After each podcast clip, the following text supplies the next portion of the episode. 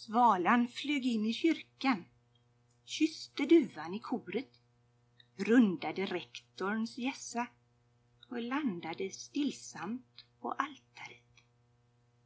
Och sannerligen, sannerligen kunde hon inte kvittra första versen på salmen 474.